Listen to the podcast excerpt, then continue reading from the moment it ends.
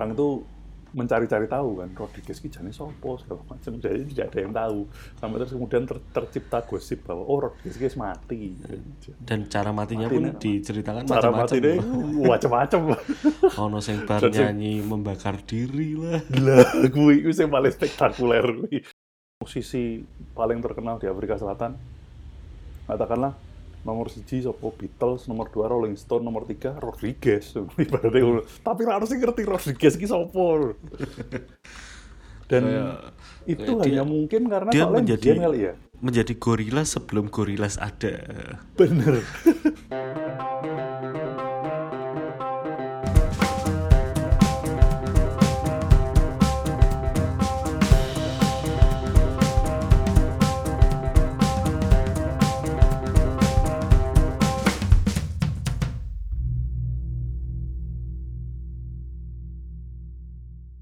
biasa, eh, bahas film sing direlate-relate karo kehidupannya dhewe. Dirilit-lilit ke. direlate-relate ke. Maksudnya ya, ya ndelok fenomena eh, sosial berdasarkan film lah, karena kan film itu mengcapture kehidupan sosial.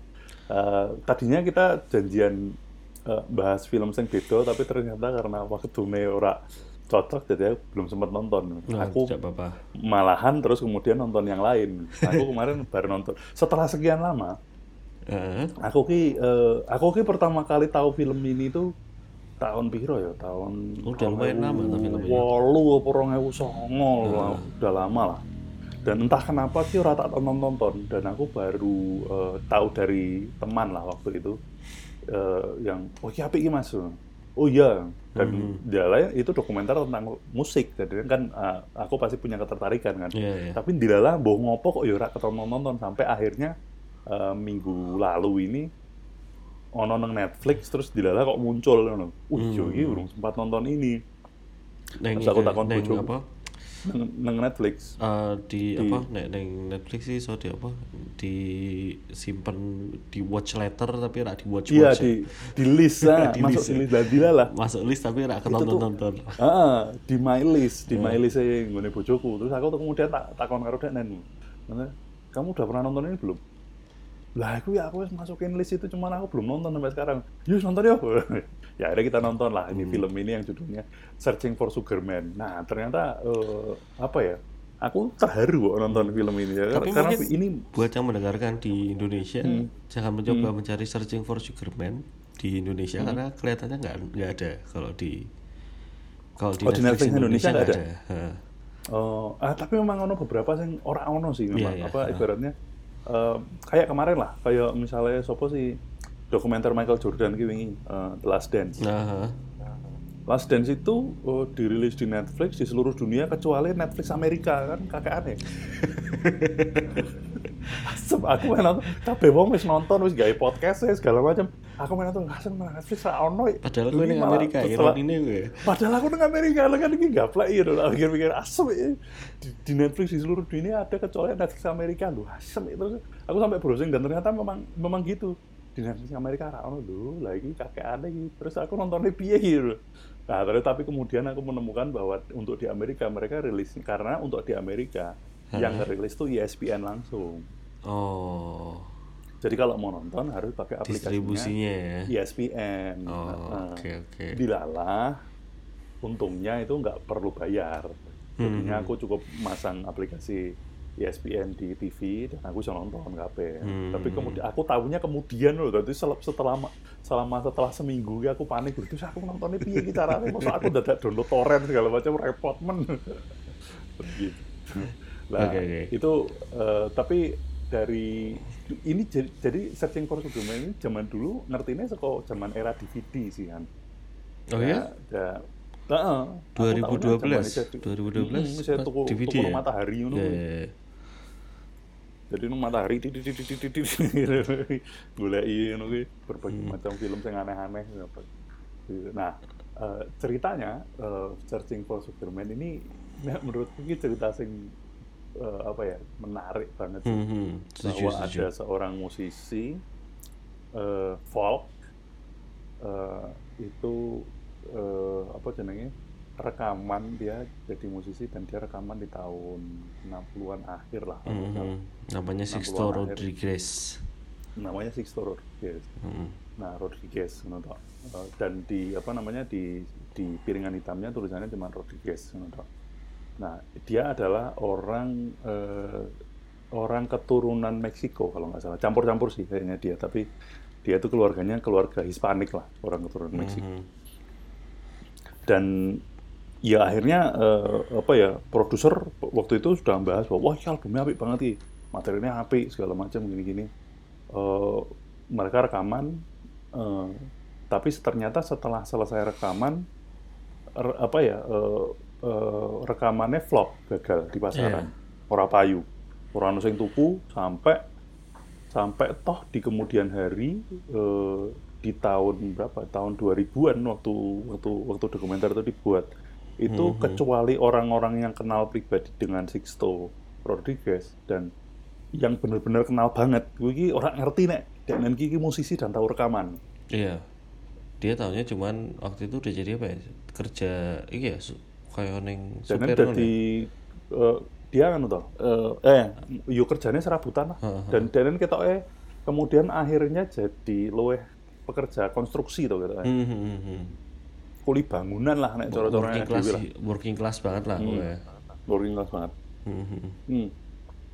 Jadi eh, tidak berhasil lah bisa dibilang. Hmm. Walaupun ketika di track back ditanyain ke apa jenenge ditakoni ke eh, produsernya bahwa wah iki dhisik iki Rodriguez iki dhisik menceritakan aku pertama kali ndelok denen iki manggung kene segala macam ini keren. Lah tapi ternyata di belahan dunia yang lain ternyata nenggone apa jenenge nenggone Afrika Selatan Hmm, hmm. ternyata lagunya dia sangat terkenal sampai bertahun-tahun Iya. tanpa ada yang mengetahui ini di Amerika. Lah sampai terus kemudian eh, muncul rumor ibaratnya Hmm, muncul rumor bahwa eh, karena tidak ada keterangan sama sekali tentang pokoknya cuman piringan hitamnya tulisannya Rodriguez wis. Nah, terus kemudian orang itu mencari-cari tahu kan Rodriguez ki jane sopo segala macam jadi tidak ada yang tahu sampai terus kemudian ter- tercipta gosip bahwa oh Rodriguez ki mati Dan cara matinya Matinya- pun diceritakan cara macam-macam. mati macam-macam Ono sing bar sing- nyanyi membakar diri lah. lah gue itu yang paling spektakuler kuwi. Masem ini kayak biksu pro- protes perang Vietnam eh. ngeri mungkin kalau yang apa namanya yang teman-teman yang apa suka itu Rage Against the Machine salah satu Mhm. albumnya yang apa eh, itu kan foto pemenang Pulitzer ya Fo- Mhm. eh, si Si biksu membakar membakar diri, diri. Nah, jadi si Ri- Rodriguez ini digambarkan ngono. lah film ini itu menceritakan tentang eh, eh, lah salah satu lagu yang terkenal dari dari si Rodriguez ini judulnya Sugar Man.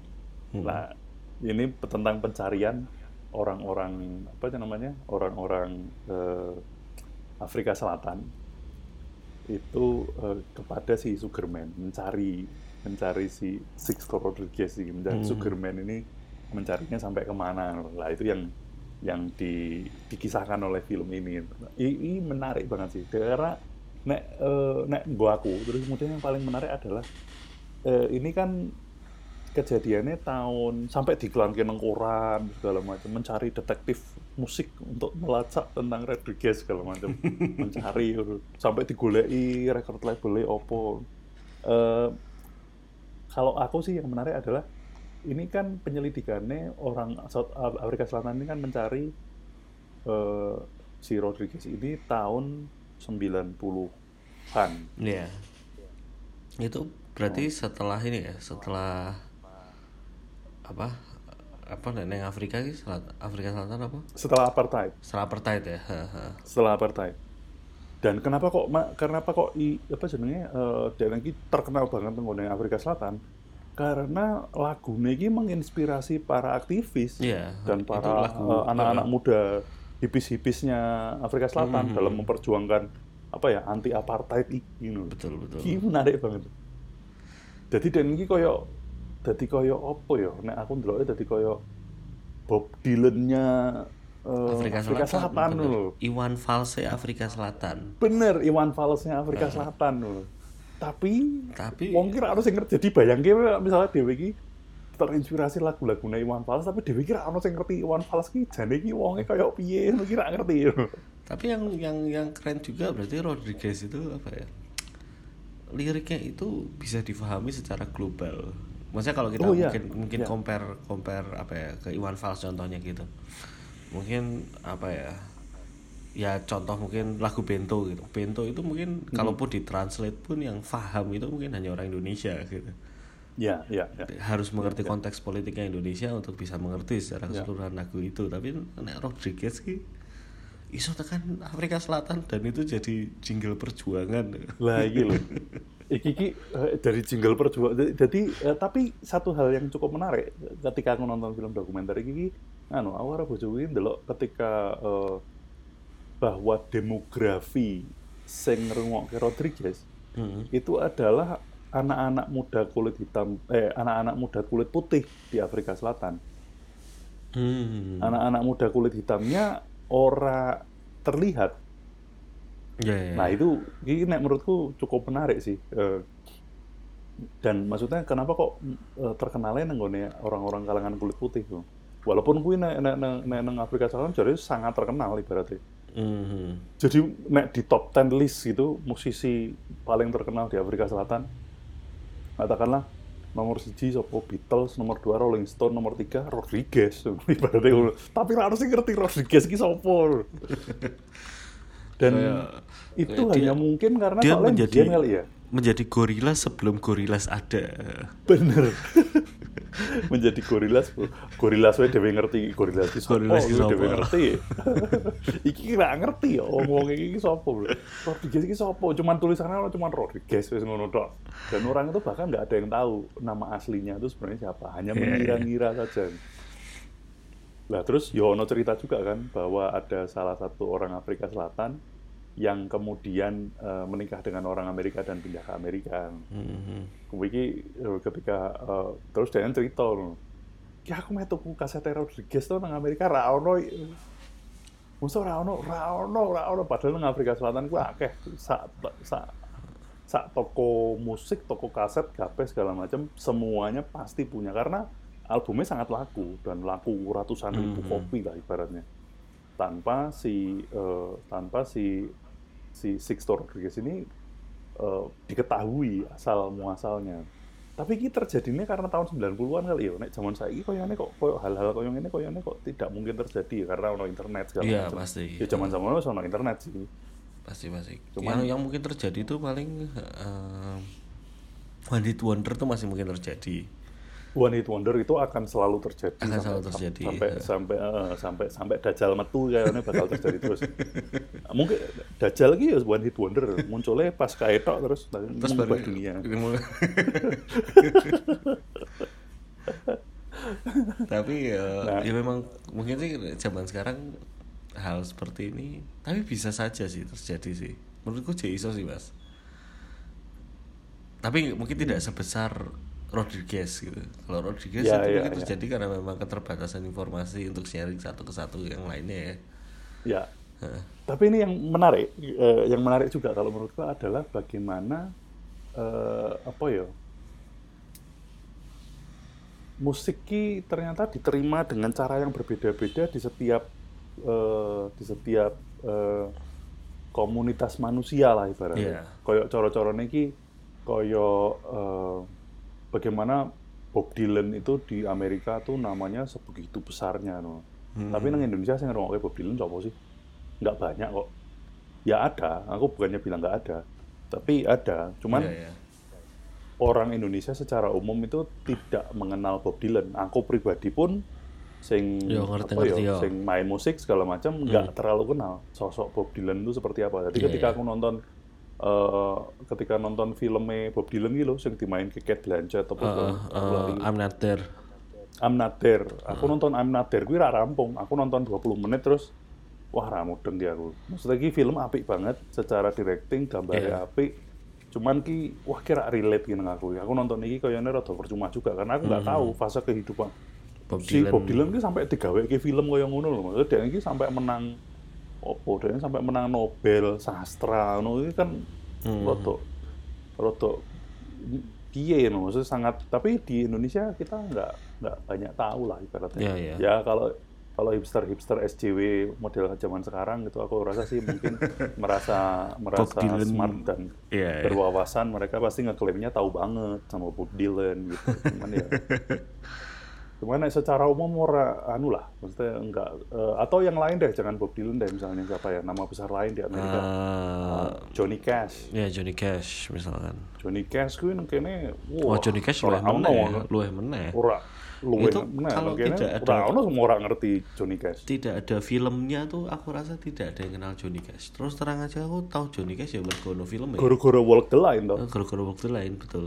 Iya Kalau enggak ya aku nggak paham siapa itu ora Johnny ngerti Cash. Ya. padahal nek nang kene Johnny Cash kuwi bener-bener sampai di apa ya nggak ada lah orang nggak tahu Johnny Cash Hmm, di Indonesia sama kayak di Indonesia nggak ada yang nggak tahu Ari Lasso gitu misalnya Iya, nggak iya, ada iya. yang nggak ada yang nggak tahu Ahmad Dhani gitu misalnya Hmm. ya Rano ibaratnya nah itu tuh ternyata memang beda-beda nah aku mengingat Rodriguez ini aku juga mengingat tentang em, sat- eh, apa ya band yang fenomenanya kalau menurutku rodok mirip. Ora se, ora sedramatis Rodriguez sih. Kui jenenge Michael Learns to Rock. Nah, Michael, Karena- namanya Michael Learns to Rock.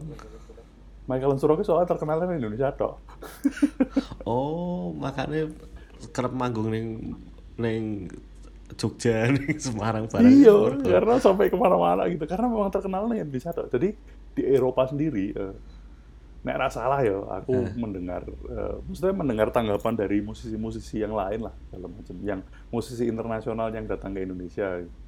Wiki banyak yang komentar tadi dulu baliho Michael ini mereka. Gimana ini siapa lagi orang ngerti gitu loh Heeh. bukan karena mereka merasa som- sombong atau merasa lebih terkenal atau apa tapi mereka nggak ngerti Michael Stroke sopo nggak ngerti gitu. Neng Denmark mungkin orang familiar lah dengan nama itu Hmm. tapi kalau di Eropa secara umum orang Belanda wong Belanda we lah ora ngerti yo Michael Stroke sopo ora ngerti terkenalnya di jadi kalau nggak salah ceritanya itu terkenalnya memang nang Indonesia nang Indonesia terkenal sih Hmm. terus kemudian baru dari Indonesia ke negara-negara Asia Tenggara yang lain. Dan seperti biasa di Jepang eh, opo wae ngarakku band sak sak eh, mbuh ketoke ono ono ono band sing ketok uripe cuman rong dino, lagune cuman siji ngono kuwi nang Jepang tetep ono fans aku ya bingung kenapa orang Jepang sampai segitunya. Di Jepang akhirnya eh, dikenal lah ibaratnya ada ada fanbase-nya lah. Nah, tapi kuwi nang Indonesia tok tuh. Iya, iya. Nah, kalau kalau nggak salah ceritanya itu ada mahasiswa Indonesia yang eh, di- kuliah di Denmark Hmm, hmm. Terus ngerungokke lagune eh, The Actor gitu lagune Michael Sorok Hmm. I'm not a nothing, I'm not a star. Hmm. Wih lah, lagu itu dia suka banget. eh, terus eh, duwe kasete. Nah, ketika Denen balik ke Jakarta, kalau nggak salah Denen iki terus koncone kenalane tongkrongane cacah Prambors zaman segitu tahun Oh. 80-an. Eh, terus kemudian MD-nya Prambors dengar, Hmm. senang dan kemudian disetel lah di radio Prambors ini. Hmm. Kemudian terus Viral kemudian lah. jadi viral karena lagunya memang eh, cocok mungkin ya buat buat kuping orang ya, ya, Indonesia. betul betul. Dan waktu itu juga itu terkenal. berarti dia muncul bersama lagu-lagu seperti Dewa. Itu Dewa Ya. 19 awal-awal wis oh kuwi 90-an ya, Dewa 19 Iya, ya. ya. Ya, ini 80 akhir 90 Mhm. awal lah pikir lah ya.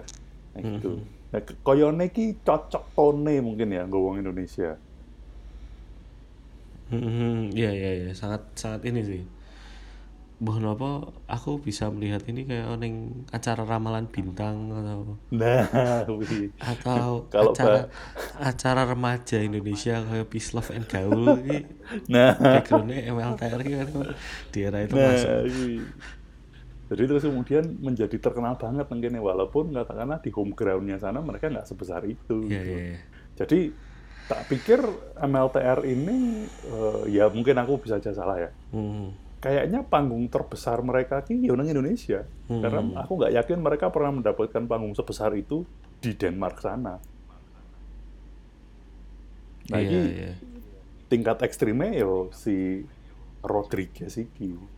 Si Sixto Rodriguez iki. ini. ya, ini ini salah satu film dokumenter yang eh, apa ya? Kalau menurutku kalau teman-teman suka tentang musik ini kayaknya harus tonton sih. Ini dapat Grammy kalau nggak salah. Ah, Grammy atau Oscar aku nggak tahu deh. Iya. Antara dua itu. Dapat Oscar. Grammy kan Dapat Oscar. Iya karena nek oh iya nang Grammy ra ono ya. Dapat Oscar benar. Dan di eh, aku aku waktu itu dikasih tahu karena koncoku itu ku DVD random terus nonton terus baru ternyata api aku dikandani Hmm. dan setelah itulah baru aku baca di Rolling Stone bahwa film ini diangkat ternyata tadi tadi untuk tadi untuk award nanggone Rolling Stone. Iya, iya. Dan memang tahun itu film ini sangat dibicarakan sih. Aku ingat sih. Hmm. Dan sejak tahun itu 2012 sampai sekarang sebenarnya di HP saya selalu ada lagu Rodriguez. Oh. Jadi nek nembe numpak mobil kan sing keputer dudu Spotify toh. Nek sambunge Bluetooth kan sing keputer Apple Music sih toh. ya, ya. iTunes. Nah, itu Hmm. otomatis Oh, iTunes. eh, mesti Rodriguez ya. Jadi selama bertahun-tahun nih dari 2012 sampai sekarang saben numpak mobil ki Rodriguez pasti salah kurang lagu ki puter sih Hmm. sebelum aku berhasil ngambil HP terus tak ganti Spotify. Mhm. Nah, cerita lengkapnya tentang film ini bagaimana? Monggo teman-teman bisa nonton sendiri. ditonton. Tapi ada, ya, eh, satu hal lagi fenomena yang bisa tak amati dari film ini adalah bagaimana eh, soalnya sepanjang film itu kita mendengarkan lagu-lagunya Rodriguez dengan kuping zaman saiki ya. Iya. Kita mikirnya, wah lagunya apa-apa ya? Mm-mm. Dan Eh, apa ya? cara nyanyinya bagus, suaranya api. Betul, dan terus terang pas itu kenapa tadi lagu Rodriguez sampai sekarang juga masih ada di HP saya itu adalah karena Bob Dylan aku ngurungke ono fase nih. Hmm. Maksudnya ada oh tak coba dengerin Bob Dylan lah. Yo mungkin fase-fase dikala kita sok-sok rebel tuh mungkin mendengarkan Bob Dylan tergugah gitu. Tapi setelah mendengarkan Rodriguez sih Bob Dylan ki sakjane Jadi wopo. jadi rasa wopo dah ya exactly jadi wopo ha. jadi ada rasa di mana eh, Bob, Bob Dylan nek banding Rodriguez sih kayak luwih jujur Rodriguez gitu luwih Bener, jujur kroso, eh, luwih luwih relate eh. Bener. lirik-liriknya luwih relate bandingkan Bob Dylan eh. Nah, itu eh, tapi kenapa kok musik yang sebagus ini Ku iki gagal? Hmm. mungkin Karena karena, kan kurang gagal pansos secara- mas Kurang pan. mungkin Bob Dylan tuh sebenarnya atlet pansos yang baik gitu. dia bisa Mungkin. bisa bisa menangnya di situ kali Mungkin. Lah, terus ketika kami nonton, saya karo bojoku nonton, terus dia berkomentar bahwa iki iki dia karena belum pernah deng- dengar juga musiknya Rodriguez, tapi setelah dia denger, kayaknya aku beberapa kali pernah dengar dia lagu-lagu ini. Hmm. Tapi terus dia bilang bahwa ini iki iki mengingatkanku pada Nick Drake. Kalau dia Hmm, bilang. ya, ya, ya. Lah Nick Drake ini kemudian dan cerita dan kita browsing-browsing juga aku kemudian eh, menjadi terkenal di Amerika di kalangan generasi ini DNN lah ya generasi ini bojoku pada waktu itu adalah ketika dia itu eh, jadi soundtracknya Royal Tenenbaums. Hmm, hmm, hmm, hmm. Lah mungkin nanti Nara bisa cerita tentang aku soalnya Royal Tenenbaums kira orang nonton filmnya. ya ya ke- ya. Eh, jadi terkenal gara-gara itu dan ternyata dia itu wah, anak muda sing yo generasi DN lah ya itu waktu mendengarkan lagu-lagu ini Drake koyok sing koyok sing anu banget maksudnya wah lagu ini keren banget relate relate banget buat buat anak muda zaman segitu. Dan kayaknya iki ki era-era naik-naiknya folk lagi Iya. di generasi yang sekarang lah itu Karena memang Nick Drake itu ditemukan di beberapa album soundtrack di era itu yang memiliki memang koleksi musik yang apa ya bisa dibilang unik unik dan folky jelas itu dan film edgy lah zaman filmnya zaman segitu edgy sekali Royal Tenenbaums itu kan Wes Anderson Hmm. Eh, awal bukan awal-awal juga sih cuman eh, salah satu film terbaiknya Wes Anderson sih dan Wes Anderson dalam Hmm. memilih lagu itu kan sebenarnya kalau kita melihat soundtrack ke Wes Anderson itu kan salah satu apa ya soundtrack soundtrack bagus tuh di film-film Wes Anderson sih kalau aku personal sih aku suka sekali gitu Ya, ya. Eh, dan Tapi ono sing luwih edgy sih ngarakku Apa daripada eh, daripada Wes Anderson dalam pemilihan musik ya. apa Vince Gilligan. ya iya sih Tapi luwih edgy nih tapi milih, milih musik. Eh, tapi sebenarnya itu itu eh Vince Gilligan itu kan Breaking Bad dan lain-lain series sih series itu kan Ya. itu kenapa sekarang pemilihan musiknya edgy karena memang akhirnya pekerjaan itu diciptakan Ah, oke. yaitu eh, musik selektor buat soundtrack Oh, oke, oke. jadi eh, setelah apa ya ya memang abis itu kalau nggak salah soundtrack itu mulai diseleksi dan mulai banyak musik-musik yang kita nggak pernah denger tapi kok enak itu tuh mulai Grey's Anatomy di series ya? di series di series tuh akhirnya dioptimize di situ Eh, Smallville Smallville juga kita udah mulai Smallville. ngerasa Oh ya, aku ingat-ingat. Smallville ini soundtracknya eh, apa ya? Tidak Ah. biasa tapi enak-enak. iya benar terus eh, nah itu Dawson akhir- Creek. Dawson Creek eh. Hmm. terus sekarang itu kayak misalkan kita ngeliat apa ya series di Netflix yang memang memang tampilannya terutama yang biasanya tampilannya memang tentang kehidupan dan ada rasa edgy-nya biasanya soundtracknya juga juga dia menggunakan musik selektor di situ sih. Hmm. kayak Master of None tuh. Nanti kemarin aku dulu ono vinile langsung tak tuku. Mergo aku sangat suka dengan pemilihan lagu-lagu di sana. Nah begitu juga mungkin dengan dengan dengan Breaking Bad sih. Nah kembali lagi ke ke ke siapa? Nick Drake ini juga Nick Drake. aku rasa dia terkenal karena dia muncul memang di lagu di film-film yang memang di era itu apa ya film pentolan lah kalau bisa dibilang gitu Hmm. kan Dan Royal- memang lagunya api-api. iya ha-ha. ada Royal Tenenbaums ada Serendipity Hmm. Serendipity kan romance yang cukup apa ya cukup Iya. eh, terkenal lah di saat itu cukup Hmm. dibicarakan juga gitu Buat generasi muda zaman segitu jeru filmnya.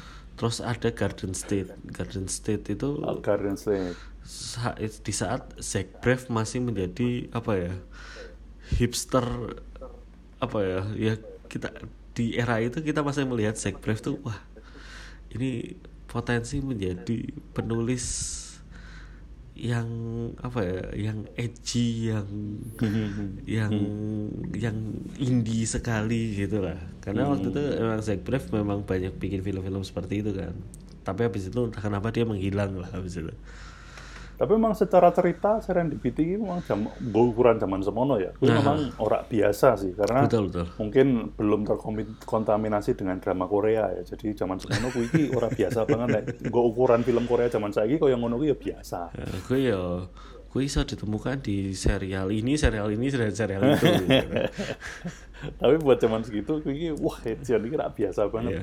ya itu kan di, eh, di era-era itu kan ada serendipity butterfly effect eh, Butterfly effect. eh, itu juga Tapi kembali tapi Ah. balik lagi sama juga si Nick Drake ini itu juga musisi yang meninggal di umur 26 tahun di Hmm, tahun 70 berapa rekaman di akhir tahun 60-an dan rekamannya ora berhasil ya, ya, ya.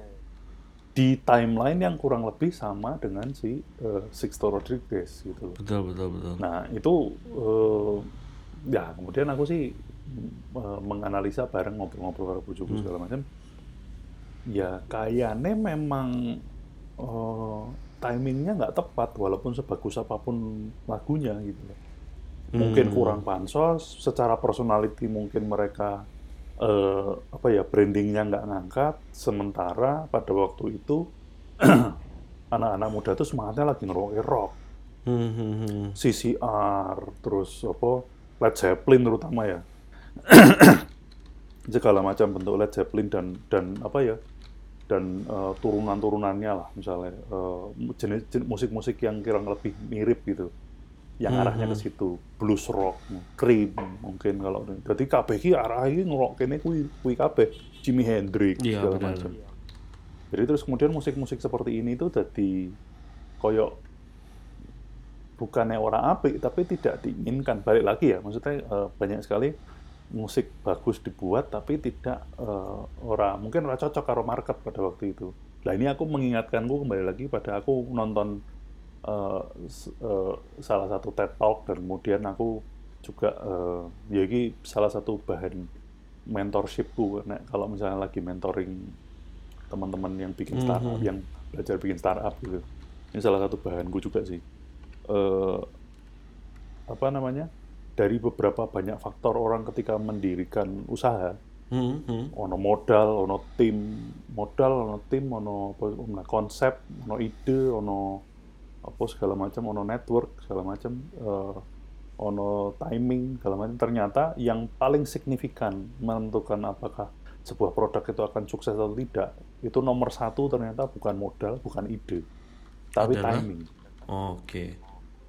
ternyata nomor satu itu adalah timing. Jadi mau sebagus apa pun produknya, mau sehebat apa pun teknologinya, kalau timingnya nggak pas, produknya tidak akan eh, tidak akan se- mencapai kesuksesan itu. Hmm. Sedangkan eh, contoh-contoh lainnya, kuiki walaupun produknya biasa, hanya saja eh, apa jenenge eh, timingnya tepat, kemudian dan jadi iso berhasil banget. Contohnya banyak banget. Hmm. Contohnya YouTube. Jadi sebelum YouTube kita ternyata wis ono platform yang kaya YouTube kita ternyata wis ono. Iya, iya betul betul. Sebelum YouTube itu sudah ada platform yang seperti YouTube. Persis bahkan untuk ukuran zaman segitu teknologi ini jauh lebih canggih daripada YouTube. Hmm. Cuma dia munculnya jauh, eh, dia munculnya jauh sebelum YouTube. Timingnya orang tepat. Timingnya orang tepat di mana adalah eh, nenggone iki, nenggone infrastruktur. Infrastruktur internet ini zaman semono urung men- urung mendukung untuk video streaming. Hmm. Karena jadi jadi lemot banget. Maksudnya wong ki loading videonya ora gampang. Nah, YouTube muncul ketika infrastruktur iki wis mendukung. Walaupun pada waktu itu wong sing gawe YouTube iki kan sebelum dituku Google ya. Iya. Wong sing gawe YouTube kan gawe ini kan meng gawe tok ora ngerti iki perusahaan arep digawe nandi arep diapake ngono iki model bisnis monetizingnya dan piye wae dhewe ora nger- ora ngerti pada waktu itu waktu dia bikin. Dia pengen gawe pengen gawe wae ngono ibaratnya kayak gitu. Dan itu juga podo sing terjadi nenggone Airbnb. Airbnb koyo ngono kuwi. Timingnya tepat. Timingnya adalah pasca apa? Pasca eh, depresi ekonomi, eh, krisis ekonomi, terus kemudian wong ki butuh duit tambahan segala macam ini ini sehingga terus kemudian itu berhasil. Hmm. Padahal konsep yang sebelumnya eh, dipakai, eh, maksudnya eh, konsep seperti ini sebelumnya sudah pernah dipakai dan orang berhasil. Gojek Karena memang wongnya orang ya? butuh. Gojek, Gojek pun juga seperti itu. Hmm. Gojek pun seperti itu. Masuknya menurutku tepat. Nah, jadi, nah ini kalau kita kembali lagi ke Dan itu juga ini sama juga seperti yang kita tonton kita obrolkan di episode sebelumnya ini. hmm, Film seperti The Five Bloods itu juga bener, bener, timingnya, timingnya. Nah, timingnya. Jadi memang ini bagian dari cerita konspirasi yang lebih besar. Iya. Tapi memang sebenarnya gini apa ya? eh, ya ada beberapa begitu juga dengan film sih. Ada ada beberapa film yang apa ya? Yang bahkan juga baru terkenal itu setelah bertahun-tahun itu ada di pasaran gitu. Hmm. Eh, itu pun juga menunggu bagaimana market akhirnya menerima film itu dan akhirnya dilulukan gitu. Hmm. Kalau nggak salah beberapa Contohnya, salah satu contoh yang aku ingat banget film kayak gitu ya, nek aku yang membekas ya, Mhm. adalah film teman kita, Kualitas 2. Ah, Kuwi iya. Nunggu kuwi suwe Iya kuwi. iya iya. Betul betul betul. Dirilis nang bioskop, nang dirilis nang bioskop ora payu. sampai dikritik segala macam. Wah, Ibunya Denis, Denis cerita karo aku ki sampai ru- ibuku sampai nangis loh baca tulisannya di Kompas, aku dionek-onek ge karo jurnalis Kompas. Film apa ini? Padahal aku mengingat aku nonton kualitas 2 saat itu di VCD. Itu aku enjoy. Lah iya memang. Dan Emang- seperti semua anak, seperti semua mahasiswa yang menonton itu lewat VCD kan, tak film ini gue teli apa ya, asal ini siapa tuh sih gawe gitu.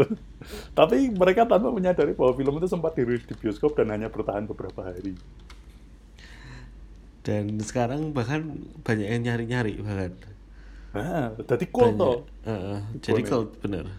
Kamu tahu kualitas dua nggak? Wah kalau tahu itu berarti kita bisa mengira-ngira nih era eranya dia ini tahun berapa. Jadi zaman segitu sampai anu ya, sampai ketika eh, sak kumpulan ngomong ke kualitas dua dan dewi nonton dewi iki kayak semua iki dong ngobrol ya apa mudeng. Ada film lain nggak sing sing sampai yang kayak kualitas dua gitu? Sebenarnya ada, apalagi di Hollywood itu ada sih beberapa kasus seperti itu. Bahkan film terakhirnya eh siapa Orson Welles yang ada di Netflix juga. Judulnya itu sebentar. Google Google dikit ya. Aku Ya. agak lupa sih. Eh, Orson Welles atau siapa? Kalau nggak salah Orson Welles. Itu tuh memang adalah salah satu film yang bahkan nggak selesai sih karena banyak yang ragu The Other Side of the Wind karena filmnya terlalu aneh. Hmm. Eh, itu juga seperti itu kasusnya. Iki ngopo gitu filmnya dia iki dianggapnya saat itu adalah iki ngopo gitu. Tapi sekarang akhirnya maksudnya film itu di baru bisa dikaji sekarang, baru bisa dilihat lagi sekarang dan itu kasus itu sering terjadi sih, terutama mungkin kayak film-film yang memang memiliki topik-topik yang saat itu belum terbuka untuk dibicarakan gitu sih Hmm. Hmm. setelah ditonton oh kita baru ngerti di mungkin ya mungkin sama seperti yang kemarin kita tonton sih mungkin film-film makanya kan kemarin dibilang uh, the world finally catch up with Spike Lee gitu. Ya, ya, ya. ya mungkin itu sebenarnya terjadi gitu. Bahkan aku sempat ingat ada film di tahun 60-an eh, yang kemudian film itu sekarang masuk ke salah satu 10 besar film terbaik atau 20 besar film terbaik sepanjang masa gitu. Aku lupa judulnya apa. Aku sambil kita cari mungkin next episode bisa tak kasih tahu ya Hmm. Hmm. Hmm, tapi kasus itu juga terjadi di industri film sih sebenarnya gitu. Hmm. Memang timing sih, timing Betul, itu betul, timing. eh, dan masalah ini orang iso diprediksi sih.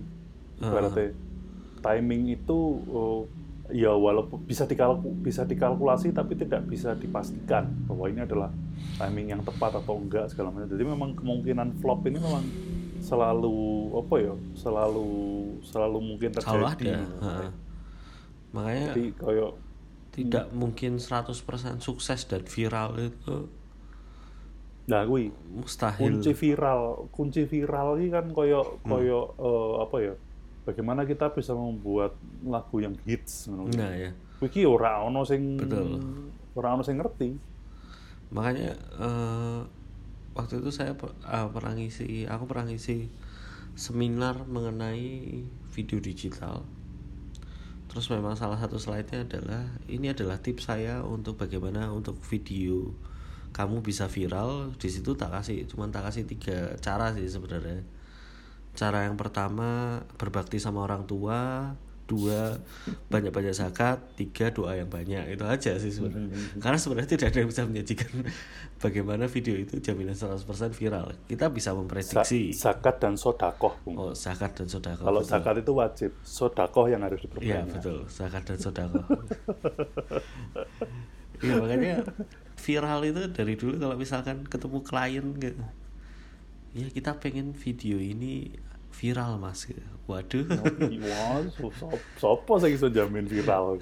Itu itu ajaib sih. Kadang dia nempel kayak siapa ya Raditya Dika atau siapa di burung mesti. belum tentu viral juga gitu kan.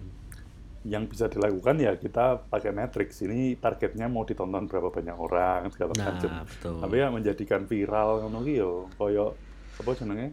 Koyo koyo eh, apa ya misalnya katakanlah kita eh, salah satu kalau kita balik lagi ke lagu lah ya Hmm. eh, dulu tuh band apa ya Raja menjadi seterkenal itu, menjadi seheboh itu dalam oh, tiba-tiba menjadi band yang terkenal banget lah di Indonesia pada waktu itu. Me- membanjiri semua acara inbox dahsyat dan segala macamnya Hmm. merajai panggung di Indonesia. Itu ternyata orang itu kan nggak tahu kalau Raja itu ternyata wes album ke Piro. Ternyata kalau nggak Hmm. salah di mereka itu udah album ke tiga atau al- album keempat kalau nggak salah. Waktu mereka terkenal. Jujurlah padaku, ternyata itu bukan album pertama mereka. Itu mereka Oh, sudah rekaman, oh iya sudah rekaman tiga album sebelumnya dan ora berhasil. Dan sebelumnya Ian Kasel lagi wes nggawe album solo segala macam ngono-ngono kuwi Hmm. dan ora ora ora ora berhasil. Cuman waktunya yang pas buat mereka ya waktu itu dan mereka sudah album ketiga itu menunggu dan akeh ternyata Ya, ya, band-band ya. yang seperti itu. Kayak eh, misalnya siapa lagi ya? Misalnya kalau di dunia musik itu misalnya kayak siapa ya? Gugun Blue Shelter. Hmm, hmm, hmm. Nah, Gugun Blue Shelter itu kan wong kan ngertine Gugun Blue Shelter. Tapi sebelum itu ternyata ki kan Gugun iki wis gawe band wis macam-macam. Tahu gawe solo bareng jenenge Degan ngono bareng. Ora ngerti to, Doan. Aku ngerti. wis wis gawe koyo ngono bareng. Terus si Gugun Blue Shelternya sendiri ini namanya juga berubah-ubah kan.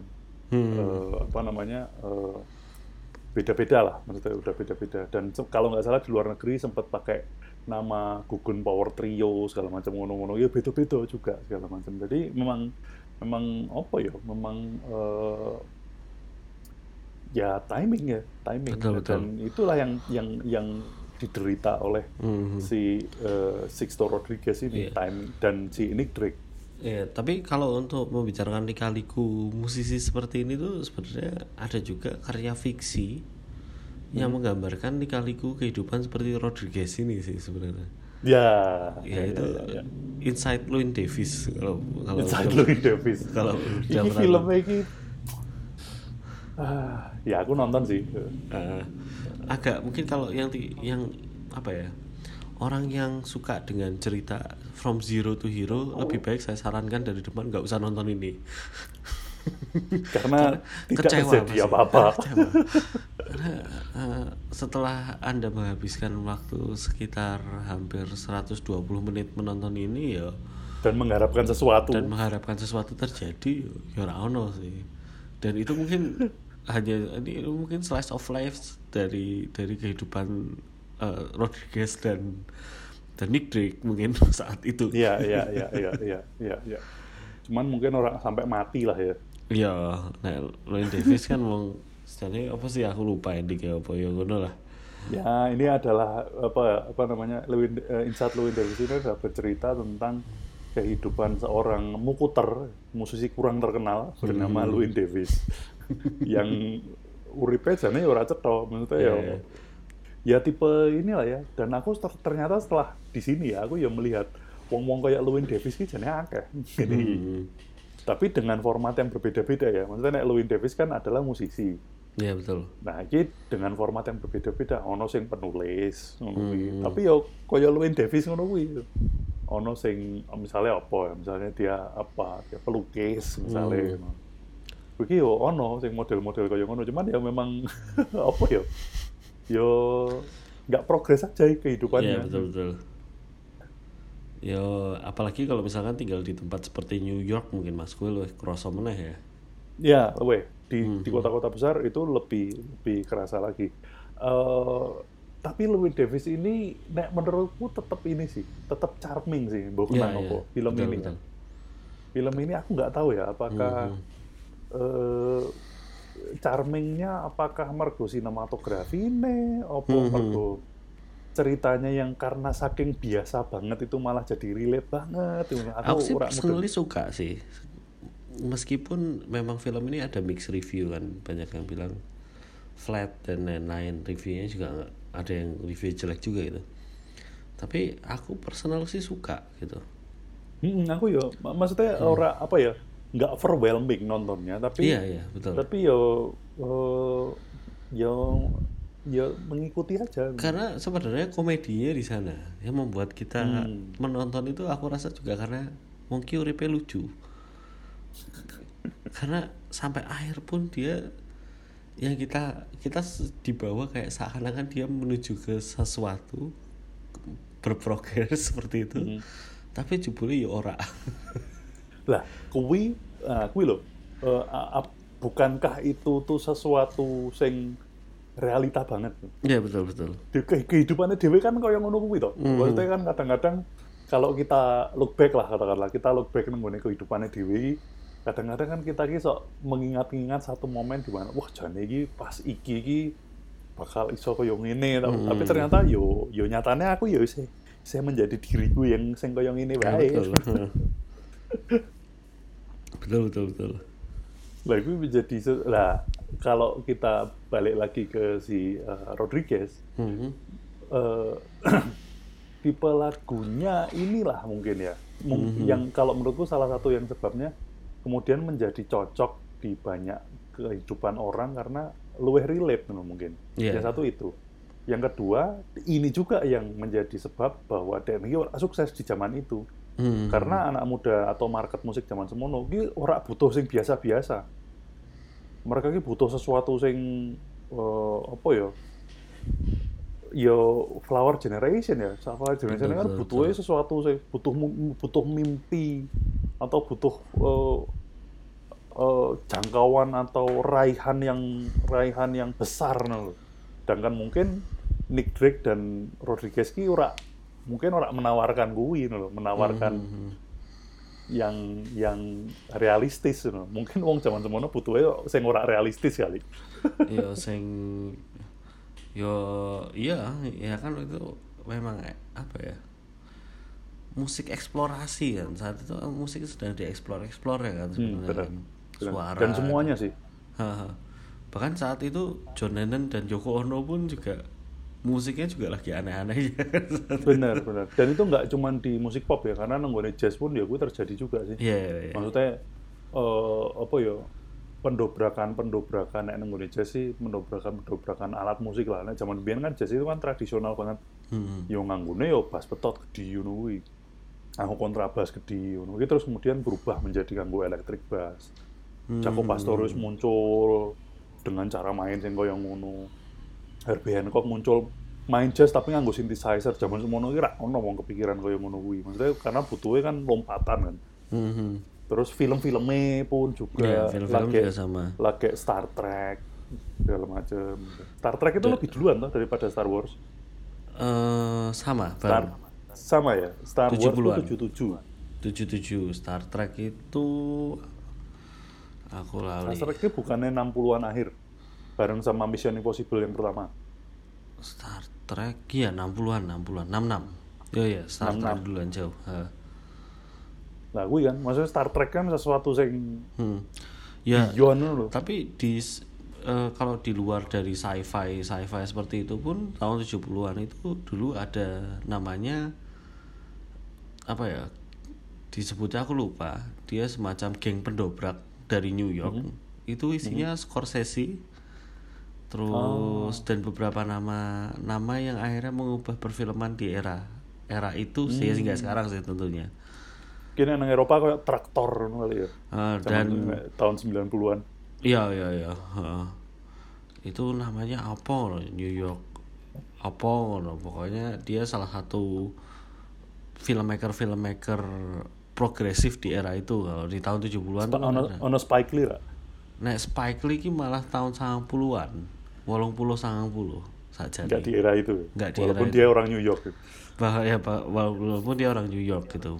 Eh, abis itu kan sebenarnya malah pergerakan abis itu dibawa oleh George Lucas dan Spielberg itu juga salah satu penggerak selanjutnya kan di beberapa tahun kemudian. Ya, tapi kalau di tahun 70-an itu sebenarnya paling kerasa sih karena di era itu juga apa ya? Banyak teknologi yang sedang dikembangkan juga di di di film gitu. Era-era gebrakan lah ya. Ya, benar-benar. Nah, ketika musik-musiknya si Rodriguez ini tidak ya mungkin menawarkan gebrakan sih, nyatanya menginspirasi gerakan anti apartheid di Afrika Selatan, Hmm. Tapi, tapi, mungkin tidak dibutuhkan di di Amerika di Amerika gitu. mungkin beda kali ya, nompone tadi ini beda. Hmm.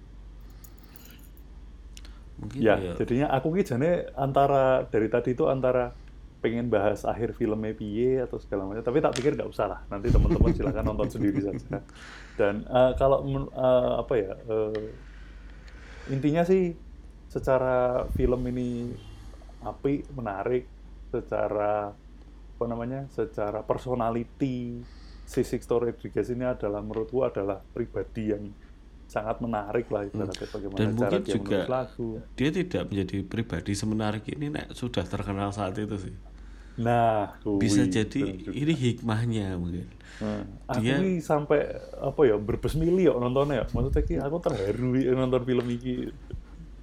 bisa jadi dia eh, seflamboyan Bob Dylan kalau dia terkenal malah Nah, iya bisa jadi ya. Kita nggak kita nggak pernah kita nggak Iya. kita nggak pernah tahu ya. Ini what if, what Tapi if.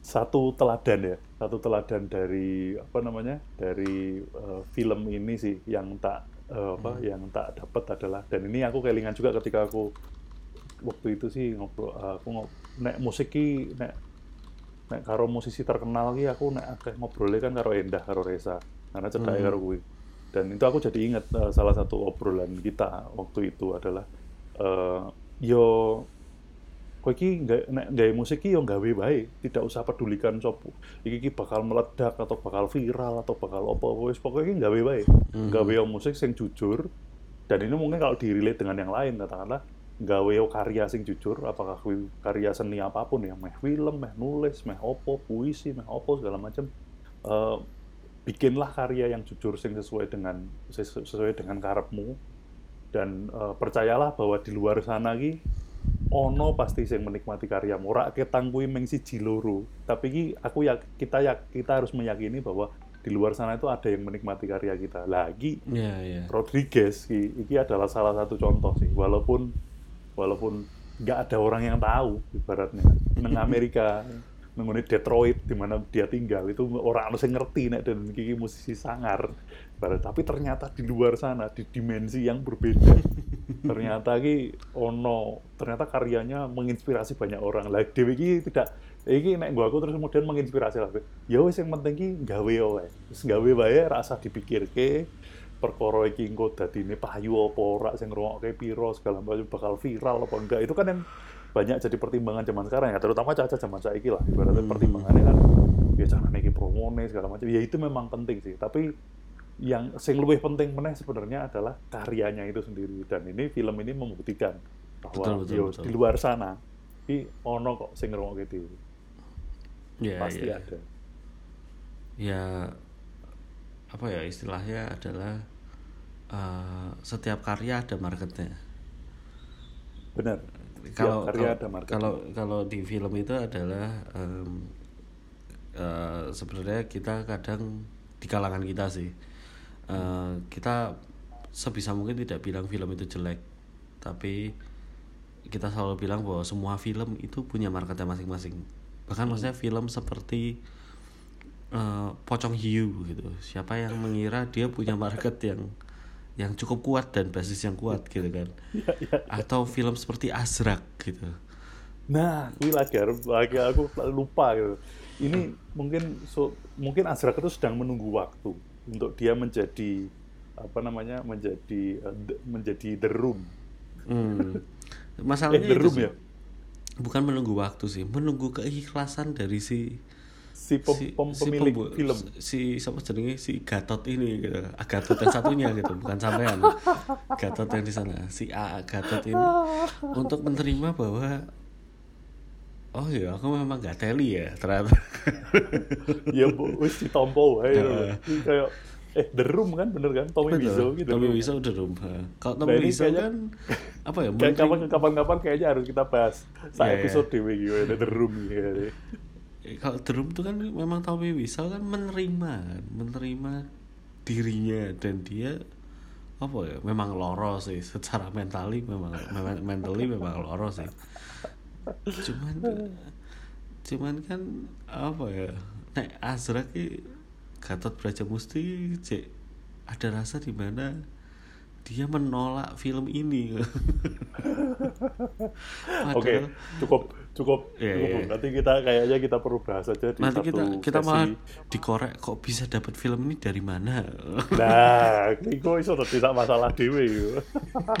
Jadi eh, untuk yang ini aku pikir kita eh, hold dulu saja eh, Iya, iya. apa namanya. Betul, Nanti betul. kayaknya kita mungkin next kita bisa bahas tentang film-film yang dianggap cult lah ya. Iya, Karena iya. cult ini kan artinya bisa beda-beda kan. Betul, betul. Seko eh, berbagai macam sisi lah. Mungkin eh, atau mungkin next lah kita bisa bahas tentang masalah ini boleh boleh tentang boleh film cult. Tapi kalau untuk eh, hari ini, ini kita durasinya udah hampir satu jam.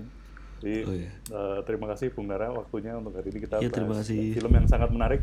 Iya. Eh, apa jenenge si Eh, eh, finding for Superman. eh, searching Jadi, for Superman Hah. Searching for Superman. Jadi monggo konco-konco kalau misalnya mau nonton Searching for Superman iki nenggone nenggone digital download ono. digital, digital download, download. ono. Apakah apakah itu resmi atau tidak itu terserah teman-teman. Eh, Amazon Nah, ya? Amazon kudune ono sih. Hmm. Amazon iki kabeh ono. di Prime Video mungkin bisa dicari kalau ada Nek nang Netflix, nek aku sih nang kene ono, cuman aku Hmm. tapi tapi nenggone nenggone Indonesia jarine Nara mau Iya, aku tidak menemukan di Netflix Indonesia sih. Ya, gampang lah udah pada pinter. silakan dicari si- oh, Udah pada pinter, lah. sepinter-pinter lah golek dhewe. Perkara perkara apa namanya perkara legal dan nggak legal itu kalau menurutku sih tergantung masalah pilihan ya. Kita aja se- ini ini nggak apa-apa. Sebagai filmmaker kalau film saya dibajak itu saya jawabannya cuma satu yaitu karma saya. Karena kabeh filmmaker pasti wis tahu mengalami jalur-jalur resmi. Saat belajar, saat cek kere-kere kan mesti ya menggunakan Lo jalur-jalur ya itu. kabeh. Saya itu. ya wis, ini Iya. tak pikir cukup dulu untuk episode kali ini sampai Siap-siap. ketemu di episode bahasan film yang berikutnya engko dhewe bahasnya apa ya yes, ditunggu saja berikutnya. Siap. Yang jelas kita wis mulai akeh lah bahan-bahan Hmm. yang menarik untuk kita bahas di episode-episode berikutnya. Oke, Siap. sampai ketemu di episode selanjutnya. Sip, soon, thank you.